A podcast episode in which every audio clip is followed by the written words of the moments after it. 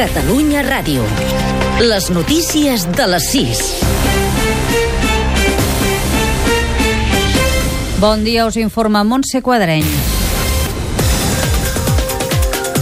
El govern de Colòmbia i la guerrilla de les FARC han anunciat un nou acord amb el que confien desbloquejar el procés de pau, ja que conté un nivell de consens major que el pacte inicial rebutjat pel poble colombià en el plebiscit del 2 d'octubre, Jordi Barranca. El president Juan Manuel Santos ha destacat el desig d'unitat i reconciliació del país. Es la hora de la unión, es la hora de la reconciliación, es la hora de dejar atrás las divisiones, es la hora de sumar voluntades y unir esfuerzos para construir juntos la paz.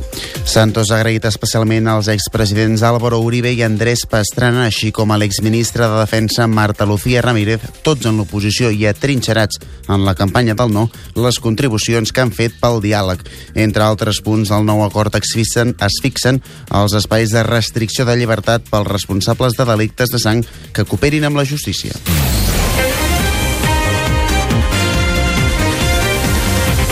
Notícies breus. El govern podrà debatre els pressupostos al Parlament. La CUP s'ha compromès a admetre'ls a tràmit en una votació que les seves bases han fet aquest dissabte. El principal desllorigador ha estat l'aposta clara pel referèndum del govern i del president Puigdemont. Eulàlia Raguant ha dit que no admetran cap pas enrere i ha fet servir la mateixa frase de Puigdemont. El referèndum el tirarem endavant malgrat les polítiques repressives de l'Estat i malgrat els interessos dels sectors immobilistes que existeixen a aquest país. Per això també volem deixar clar, algú va dir o referèndum o referèndum, i això ens remetem nosaltres, o referèndum o referèndum.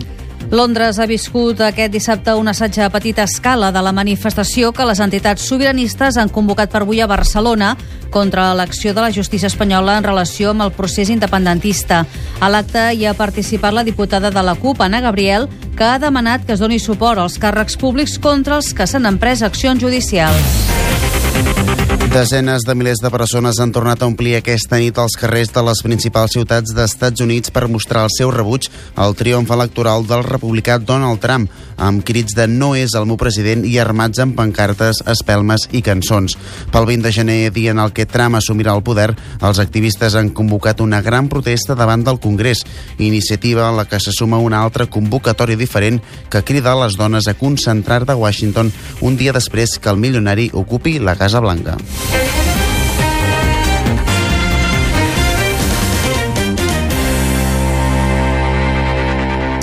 El llegat de Gaudí està en risc. La seva conservació material corre perill i la imatge de l'arquitecte s'està banalitzant. És el que ha dit a l'entrevista de Catalunya Informació el director de la Càtedra Gaudí, Juan José La Huerta. Els milers de turistes que visiten els seus monuments cada any i el gran marxandatge que els acompanya comporten un risc tant en el terreny físic de l'obra com en la imatge professional d'aquest gran arquitecte, Juan José La Huerta. L'obra de Gaudí ara està en perill. Gaudí és l'arquitecte més popular, l'arquitecte modern més popular, és l'únic arquitecte del segle XX, diguem-ho així, que té cues eh, davant dels seus edificis, eh, autocars amb turistes davant de les seves obres, i aquestes obres estan patint una explotació, una explotació comercial que suposa un greu problema per la seva conservació. La Huerta és partidari de replantejar-se i posar en valor la figura de Gaudí com a arquitecte perquè la seva obra sigui reconeguda dins del món científic més, enllà del turístic.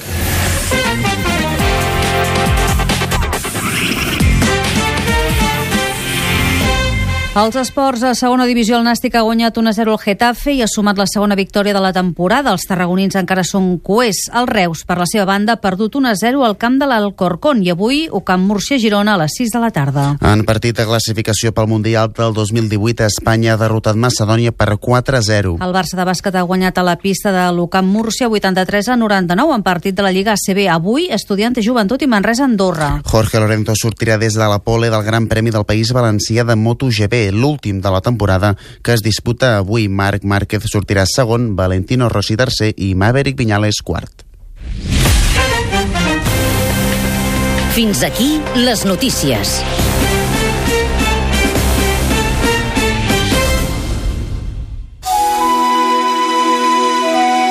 Paraules de vida. Un espai obert per parlar de l'actualitat a l'Església.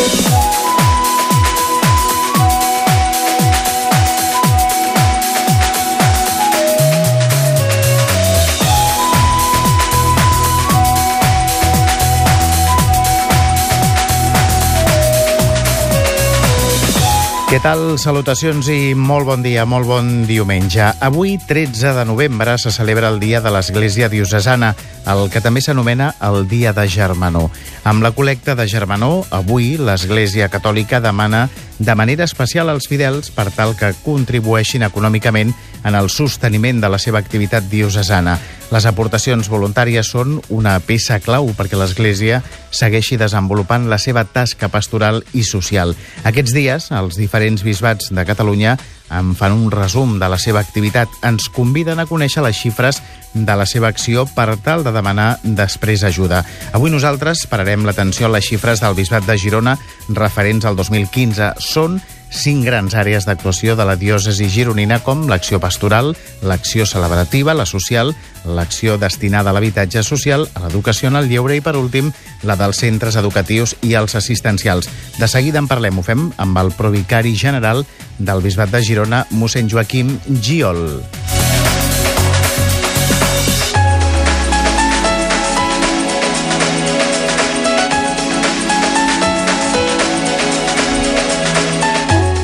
Aquí ja saludem i donem la benvinguda al Paraules de Vida. Molt bon dia, mossèn Joaquim. Hola, bon dia. Amb tu som una gran família. Aquest és el lema, l'eslògan d'aquesta jornada de Germanó que se celebra precisament avui. És sí, així? Sí, sí. Uh -huh. Sí, i el lema em penso que és clar, perquè de fet, com en una família, l'Església intenta anar ajudant a superar les dificultats que els diversos membres poden tenir. Uh -huh. Per tant, i ara com dèiem a la nostra portada aquests dies, el que es fa és presentar donar compte dels números de l'acció de, de l'any passat, del 2015, per tal de que els fidels i les persones que hi fan un cop de mà a l'Església sàpiguen a on van a parar els seus diners, oi? Sí, sí, sí, exactament. Uh -huh. I què és el que podem dir a grans trets, en aquest cas, de, del bisbat de Girona? El Bisbat de Girona té un, un pressupost de 9 milions i mig d'euros aproximadament, dels quals la major part es dediquen a les aportacions d'acció pastoral i assistencial. En un quasi bé un 40, quasi bé un 50% va dedicat a això, a les col·lectes per càritas, al Dòmun, a Mans Unides, a feines de, que fan els catequistes, als hospitals, a les presons i a les col·lectes normals de, per funcionament de les esglésies, diguem-ne. Uh -huh. De fet, ara en parlàvem, no?, d'aquestes àrees, d'aquestes cinc grans àrees Sí. d'actuació, no?, de, de la diòcesi. Sí, sí, sí. Esclar, l'acció celebrativa i la social deuen ser les més eh, importants, diguem-ne, en aquest sentit. No? En quant a atenció a gent i en quant a atendre problemes, eh, diguem-ne, socials més greus. Quin seria, I quines serien aquestes actuacions també a grans trets? Sí, doncs Càritas, que en els diversos programes d'acció socials, que en té 44, atén unes 23.000 persones l'any. Després també el Bisbat de Girona té una important intervenció en temes de pisos de producció oficial, que vol dir lloguers més barats dels del mercat, que hi ha uns 500 pisos que estan fent aquesta feina. I també hi ha un centre per persones jubilades eh, amb una atenció especial amb ells, especialment per aquests centres, Uh -huh. que aquí hi ha 105 pisos que amb una, amb una renta mensual d'uns 300 euros, 325 euros cada mes costen. Són aquests lloguers socials que es Sí. diuen, no?, per les persones, per les famílies que, que no tenen recursos. Exacte. Uh, sí, per la gent que no té recursos o per la gent que té recursos i que no se'n sortiria si no fos amb un lloguer així, més barat. Uh -huh. Mossèn Giol ara ens parlava dels ingressos de d'on provenen, comentava que el 36,4% són les aportacions voluntàries dels Sí. fidels, que de fet avui és el dia de Germanó, és el dia en què es demana la complicitat dels fidels, i després el 24%, gairebé el 25%, que és l'assignació tributària, no? Sí, l'assignació tributària, que és el que, la creueta que diem de l'IRPF, que això passa de- d'Hisenda en, en els, a les diverses diòcesis perquè no és una aportació de l'Estat, sinó que Hisenda aquí senzillament executa la voluntat dels donants. I l'altre, que són les col·lectes dels fidels, d'aquest 36%, que ve a ser uns 3 milions i mig d'euros, eh, quasi bé un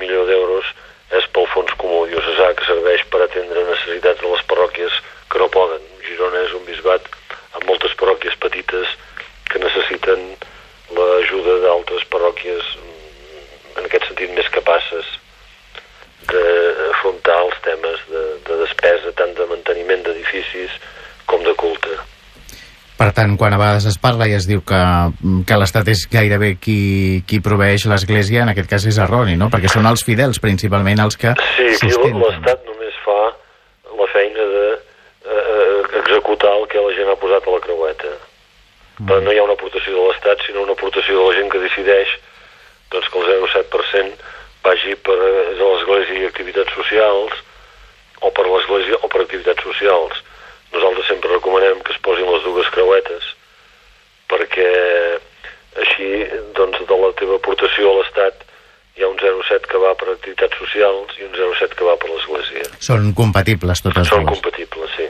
Mhm. Ara parlàvem també de- d'aquesta acció pastoral i assistencial, parlàvem de, de la important tasca que fa en aquest cas Càritas eh, a Girona, la diòcesi gironina, però parlem també d'altres activitats que es fan, també més diàries, com són les pròpiament eh, activitats pastorals, com també les, les catequesis i les litúrgies que es fan.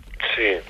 Però a Girona hi ha 900, 395 parròquies eh, amb 154 preveres i, i 500 membres d'instituts religiosos, és a dir, monjos, monges i frares. No?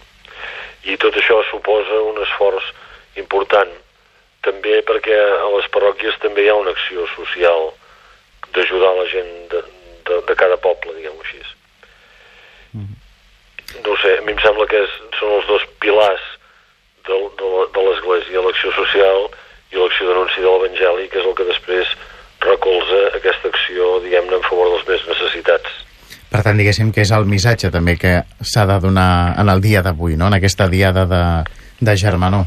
Sí, l'Església va caminant cap a l'autofinançament eh, en aquestes dues aspectes de la col·lecta de Germanor i de la, de la IRPF. I en aquestes dues estem fent esforços perquè l'Església es pugui anar sostenint en totes les seves accions.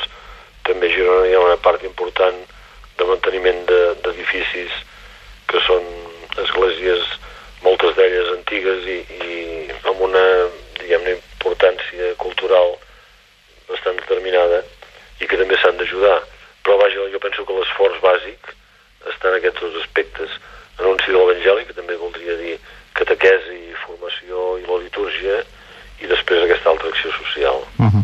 Ara, com comentava vostè, una part important de- d'aquest capítol de despeses és el de la conservació d'edificis, que gairebé és el 30% del, Gairebé, del pressupost total. No? Sí. I, per tant, és destacat també la feina que s'està fent en el manteniment dels edificis de propietat de l'Església. Sí, que això també té una repercussió que, eh, que és secundària però que també té una certa importància perquè són esglésies, la majoria d'elles, gòtiques, romàniques, gòtiques i barroques. I per tant també això porta una, uns circuits de turisme que a vegades és turisme religiós, a vegades no, però que també reforça, diguem-ne, tota aquesta circulació de gent pel país. No? Uh, esclar, 395 parròquies són moltes esglésies i aquí l'església de Girona fa un esforç important per anar-los mantenint. Una conservació que en aquest cas suposo que és més elevada, el cost és més elevat precisament per tenir aquests estils no? Sí, arquitectònics certament. que requereixen d'una atenció més, més Sí, especial. Sí, més especial i més... Sí, sí, sí. Mhm. Aquí, vull dir, cultura de la Generalitat, doncs, lògicament, abans de fer qualsevol obra, qualsevol reforma, doncs s'ha de fer d'acord amb el que s'estableix. I a més a més també com im, important el capítol de la formació, com dèiem, l'ISCREP, en aquest cas gironí, amb l'Institut Superior de Ciències Religioses de Girona i tota la tasca que fa. Sí, també és important, i eh, perquè eh, un bisbat necessita un centre de reflexió sobre la fe, sobre els problemes que tenim, sobre els desafiaments que hi ha, i, i el l'ISCREC fa un treball important en aquest sentit, de- d'anar mantinguent, diguem-ne, adequat en el territori, perquè sempre, tot i que Catalunya té una certa unif- uniformitat, eh, cada bisbat té les seves, eh, i cada les seves necessitats o els seus problemes peculiars i això també demana una certa reflexió. També són dies en què recorden el cas de, de que la gent opti per a la declaració de la renda posar la casella per eh, col·laborar amb l'Església dels beneficis no? que això reporta. Sí, és clar, és dir, és que si, si no si l'Església no es pogués sostenir, tampoc Càritas, tampoc els treballs de, de, del Dòmun o de la col·lecta de la fam, que també és important, o tota la col·lecta de Mans Unides que va a Tercer Món tampoc es podrien sostenir. Uh -huh. I una tasca molt important en aquest cas, no? Sí, sí, sí. La col·lecta de Mans Unides també és important. Tot el que va a Tercer Món també eh, són xifres significatives. De fet, aquests dies, quan es presenten les xifres, sobretot s'acompanya d'aquesta explicació, no?, de la tasca social, de la important tasca social Sí. que fa l'Església i que sense ella, doncs, molta gent potser quedaria a un costat de la societat. Sí, sí, sí, i això es veu tant a les ciutats com als pobles. L'Església té una funció, diguem-ne, en aquest sentit, d'anar teixint comunitat, d'anar teixint llaços, i, i que això es fa tant en la litúrgia com en la preparació catequètica. No? Esclar, a Girona aquest any passat hi va haver 2.700 baptismes, 2.000 primeres comunions, 4.000 eh, exèquies, enterraments i 600 matrimonis, que són elements, diguem-ne, d'anar teixint comunitat. Són unes xifres que es mantenen any rere any o van disminuint? No, jo, fa, fa, jo penso que fa un parell o tres anys que s'han estabilitzat. Hi va un moment de, diguem-ne, que, es anaven, que anaven baixant aquestes xifres, però ara s'han estabilitzat. Uh -huh. Abans... També en el tema dels matrimonis, que potser és el que ha baixat més en comparació anys enrere, també s'ha de comptar que eh, a l'Església, diguem-ne, eh, els, els, els divorciats no es tornen a casar per l'Església. El, el civil, hi ha molts més matrimonis civils, però també a vegades per aquest fet. Uh -huh. Clar, perquè hi ha divorcis i, per tant, després una segona... Una segona, unes segones núpcies a l'Església no es fan. Uh -huh. Abans eh, comentava també el, una quotidianitat molt important i és que hi ha moltes poblacions de la diòcesi de Girona, de la província gironina, que són petites i no tenen un rector mm, diguéssim, cada dia, sinó que s'han de repartir, no? Hi han rectors, hi han rectors de parròquies que potser tenen assignades dues i fins i tot tres. És així? Sí, sí, sí, sí, sí. I en aquests pobles, l'Empordà, jo estic a l'Empordà, que com que té tan bona comunicació des de sempre, hi ha parròquies molt petites que a vegades més de 3 i de 4. Sí. I com és el dia a dia en aquest cas? I també sap per la seva pròpia experiència, mossèn Giol. A la majoria de les parròquies es diu missa el diumenge i lla- llavors es fa la catequesi i, bueno, i el- els casaments, els batejos que, que hi hagi, però pensa que moltes d'aquestes parròquies l'únic que queda és la parròquia, vull dir que no hi ha farmàcia, no hi ha botiga, no hi ha ajuntament, perquè tot s'ha anat traslladant i l'únic centre, diguem, l'únic pal de paller que hi ha és, és el de la parròquia. Uh -huh. Jo tinc una parròquia amb 18 habitants, o 20. I com és el dia a dia en aquest cas? Molt tranquil? Sí, bueno, sí, sí. És tranquil, però també mereix la seva atenció i, i l'anem, a la mesura que podem l'anem fent. Uh -huh. També és important destacar el missatge que el bisbe de Girona, Francesc Pardó, a més aquests dies també recordant i, i, demanant el, en aquest cas als fidels de la seva diòcesi que hi facin un cop de mà en aquesta jornada d'avui, oi? Sí, sempre és important que es, es, es vegi i s'entengui i per això ens esforcem per presentar tots els comptes del bisbat amb la major claredat possible, eh, com es gasten i també quines necessitats ens queden per cobrir. Uh -huh. El, el bisbat de Girona ja fa sis anys que s'audita, per tant, tot, tot la comptabilitat del bisbat eh, és, és, és fiable en aquest sentit, perquè l'auditoria et serveix per no equivocar-te, bàsicament, eh, per fer-ho bé. I, per tant, doncs, podem certificar eh, amb certesa doncs, quins són els ingressos i on són les despeses i en quines proporcions. Uh -huh. De fet, és eh, l'exercici de transparència no? que potser Sí, avui dia s'exigeix a totes Sí, les institucions, no? en aquest cas també a Girona. Sí, sí, de fet el portal de transparència i anem posant els comptes del 14, del 15 i, bueno, i quan s'acabi el 16 hi posarem el 16. Uh -huh. El bisbe Francesc Pardó també parla en aquest cas de la importància de, de ser una família acollidora en el seu missatge.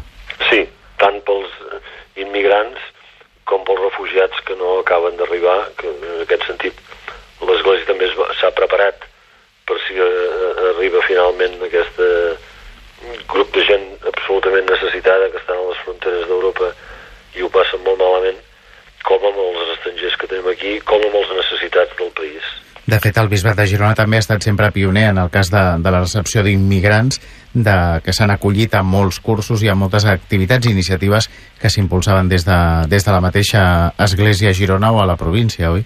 Sí, sí, sí, això perquè aquest moviment eh, a Girona va néixer amb el mateix procés d'immigració i potser per això ha tingut més força que en altres llocs. És a dir, van arribar els primers immigrants i, i en aquell moment ja hi havia un servei d'atenció a immigrants que ha anat seguint el procés d'entrada de, de, de la gent. I que potser ha estat pioner també, no?, per altres diòcesis catalanes.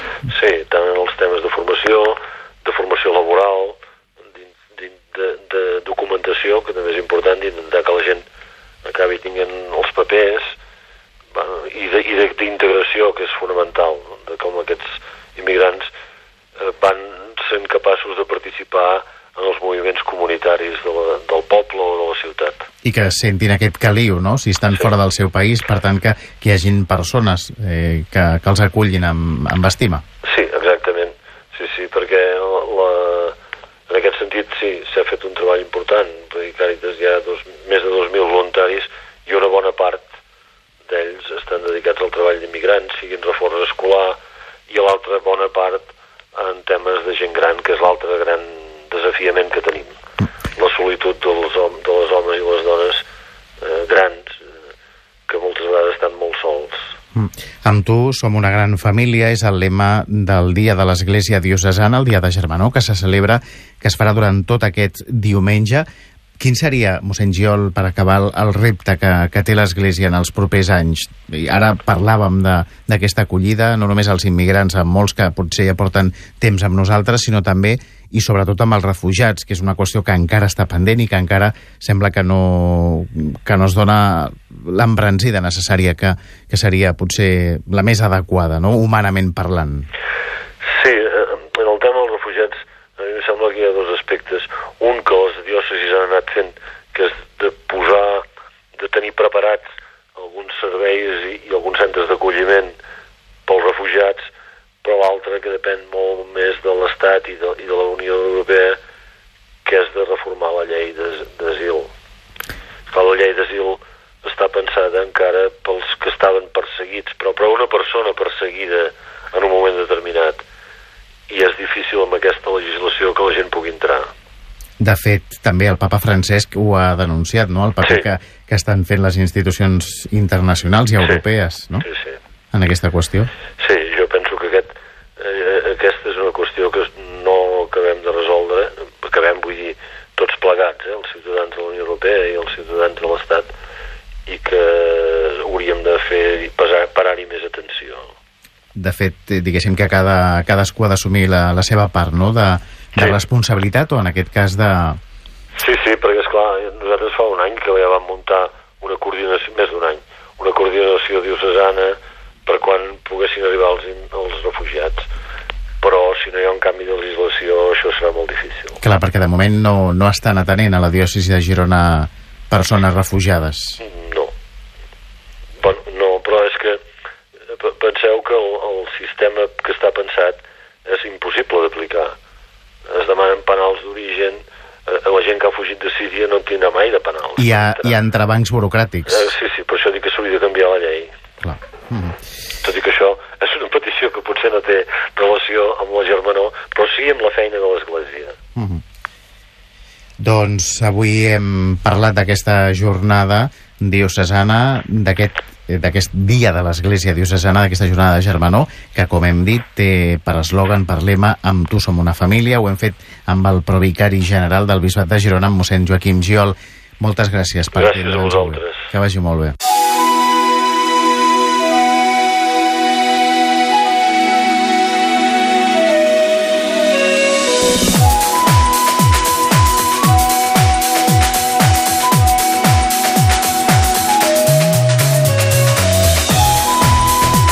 Punt i final, el Paraules de Vida d'aquesta setmana. En Roger Fontarnau ha estat el control tècnic i qui us ha parlat l'Emili Pacheco. Que passeu bon diumenge i una molt bona setmana. Adéu-siau. Us oferim la carta dominical de l'arcabisbe de Barcelona, Joan Josep Omella.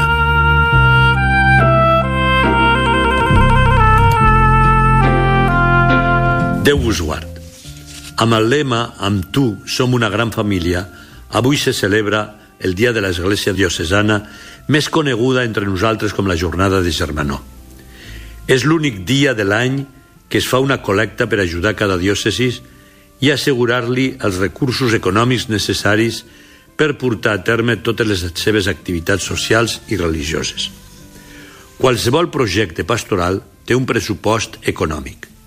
Té un cost de construcció, un nou temple o la conservació dels temples ja existents. I aquest cost de manteniment no és petit quan es tracta d'edificis antics. Tenen un cost les sales de catequesi i els centres juvenils, com el tenen l'ajuda als necessitats i altres activitats de caire cultural, social o pastoral. La Iglesia no és rica, ni ha de ser-ho.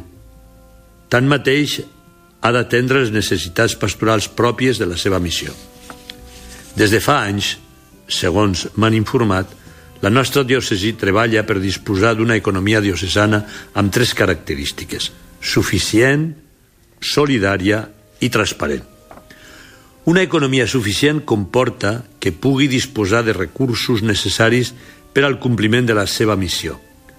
L'ajut que arriba a la nostra diòcesi per la via de l'anomenada assignació tributària, per la via dels ciutadans que lliurement assignen a l'Església un petit percentatge de l'impost sobre la renda de les persones físiques, representa només un terç del pressupost diocesà.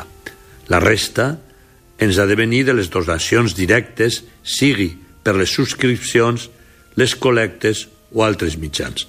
La col·lecta que es fa avui a tots els temples és un d'aquests mitjans.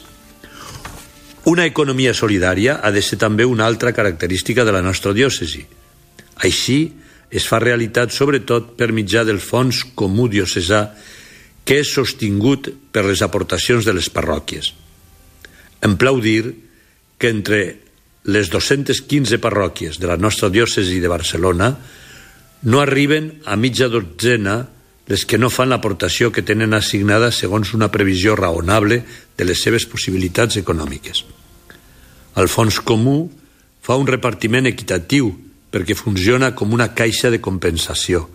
D'aquesta manera, la parròquia que té més dona més i la que té menys dona menys i si ho necessita rep més.